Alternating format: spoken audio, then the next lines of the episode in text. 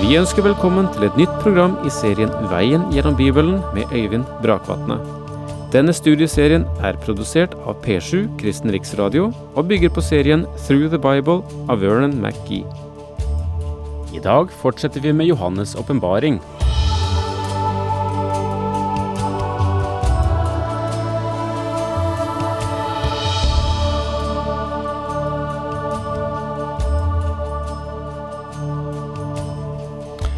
Vi har eh, så vidt eh, begynt på kapittel 13 i åpenbaringsboken. Og efter å ha brukt det meste av forrige bibelsamling til, eh, til å gi en introduksjon av åpenbaringen 13, så begynte vi på det første verset. Og la oss nå lese det om igjen. Åpenbaringen 13, vers 1. Da så jeg et dyr stige opp av havet. Det hadde ti horn og sju hoder og en krone på hvert horn. På hodene sto navn som var en spott mot Gud. Det virker her som eh, om Gud tar sin hånd bort fra verden for en stund og overlater den til Satan, og det der så vi litt grann på sist.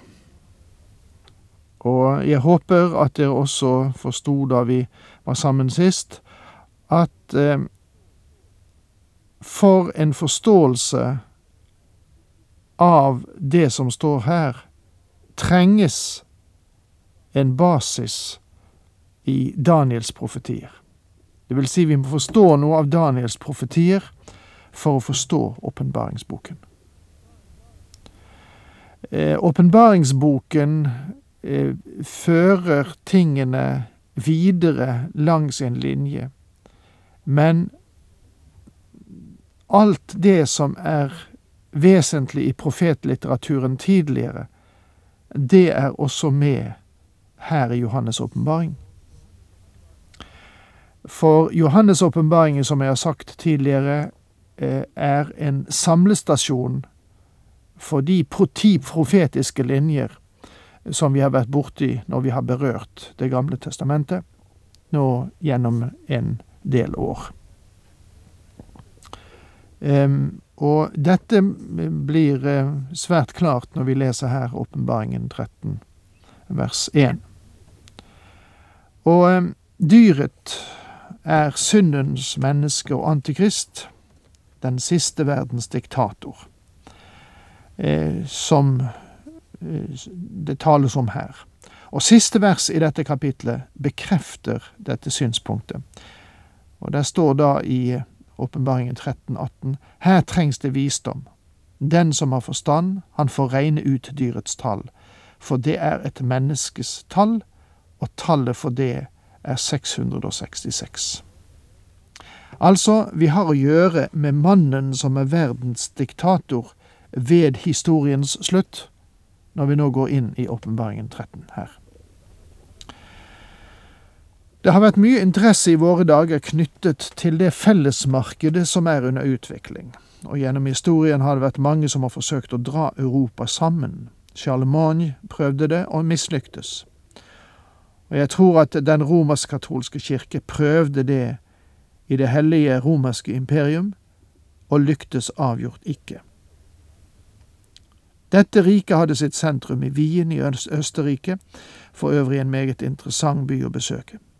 Frans Josef var den siste av herskerne i det hellige romanske, eller romerske imperiet, som forsøkte å holde Europa sammen. Men det var det verste forsøket av alle. Hans sønn ble enten myrdet eller begikk selvmord, og det var slutten på denne riksdannelse. Napoleon, keiser Wilhelm, Hitler og Mussolini har alle forsøkt å dra Europa sammen, men Gud har ennå ikke vært rede til å la det skje, og han vil ikke la den personen som kan gjøre dette, oppstå før under den store trengsel. For meg er fellesmarkedet interessant, ikke i første rekke fordi vi ser profetier fullbyrdet, men fordi vi ser et scenario som forteller med all ønskelig tydelighet at profetien kan bli fullbyrdet.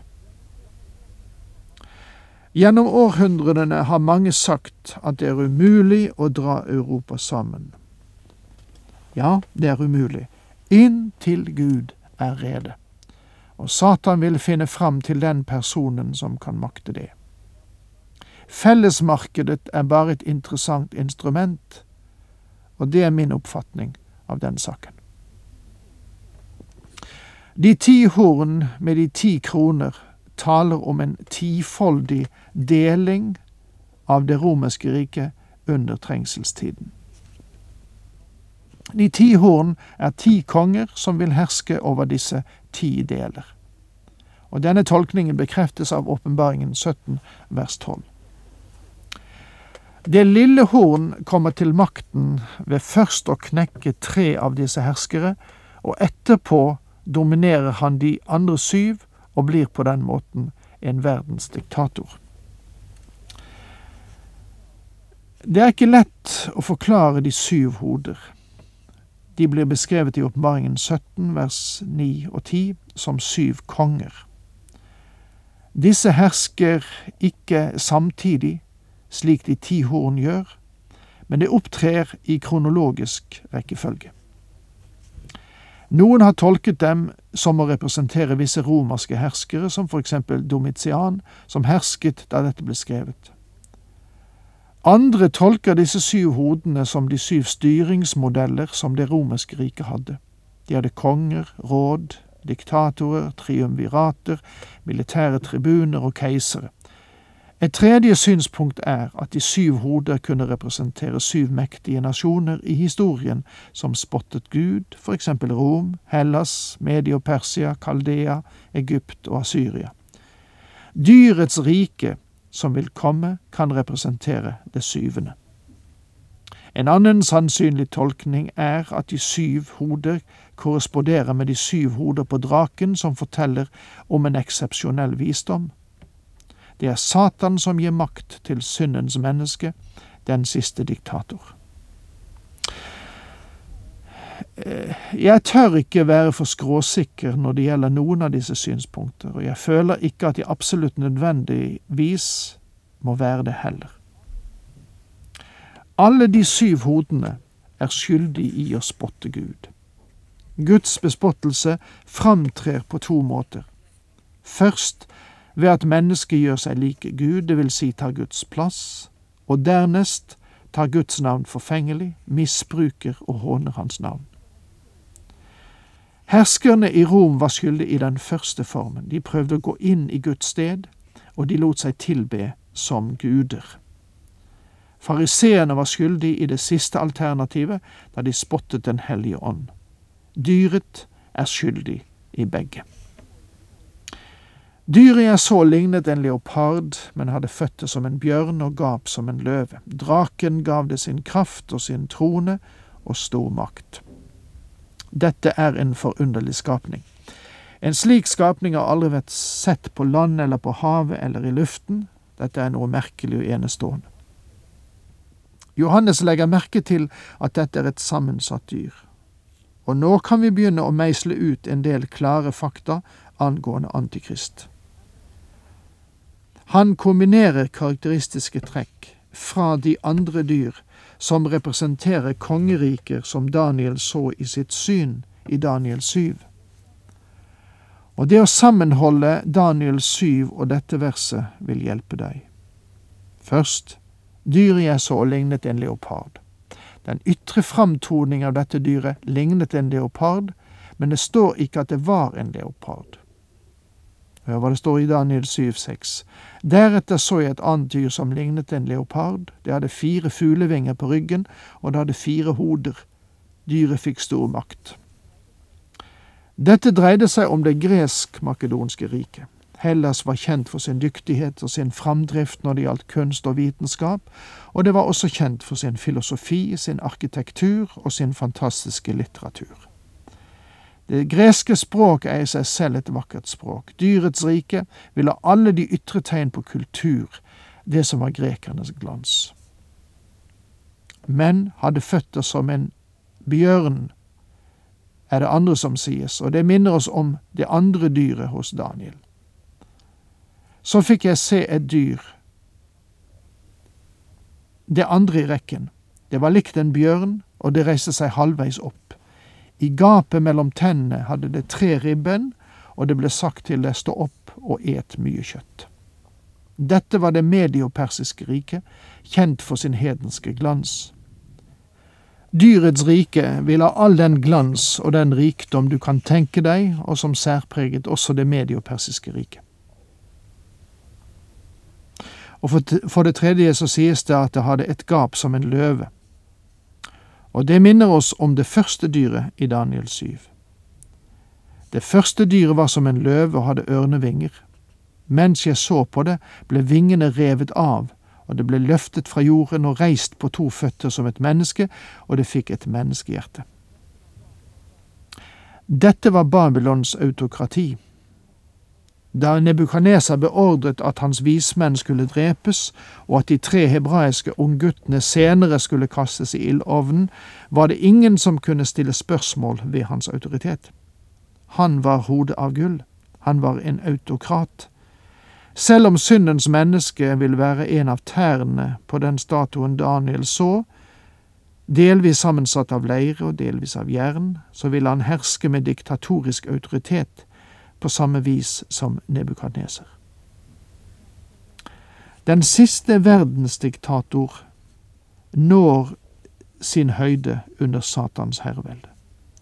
Og kilden til denne diktators makt finner vi i Satan som løfter ham opp, gir ham makt og setter ham i stand til den grusomme diktatoriske gjerning han vil gjøre. Han er den nærmeste du kan komme til en inkarnasjon av Satan som fremstilles på Bibelens blad. Lukas skrev at Satan hadde tatt sin bolig i Judas Iskariot. Les Lukas 22 vers 3. Og Kristus brukte et lignende språk da han talte til Simon Peter i Matteus 16 vers 23. Er syndens menneske inkarnasjonen av Satan, det vil si Satan i menneskeskikkelse? Ja, jeg tror vi kan si det. Det er i alle fall sant og visst at Satan bor i ham. Paulus skrev, Når den lovløse kommer, har han sin kraft fra Satan, og han opptrer med stor makt og med under og falske tegn. Med all slags urett forfører han dem som går fortapt, fordi de ikke tok imot og elsket sannheten, så de kunne bli frelst. 2. Tessalonika-brev, kapittel 2, vers 9 og 10.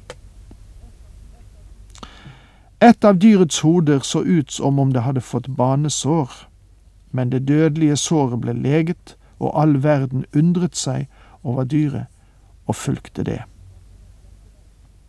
Dette verset, sammen med åpenbaringen 17 vers 8, har ført mange til å tro at Satan faktisk oppreiser dyret fra de døde. Den saken får vi se på eh, litt senere, for nå er tiden ute. Takk for nå. Herren med deg.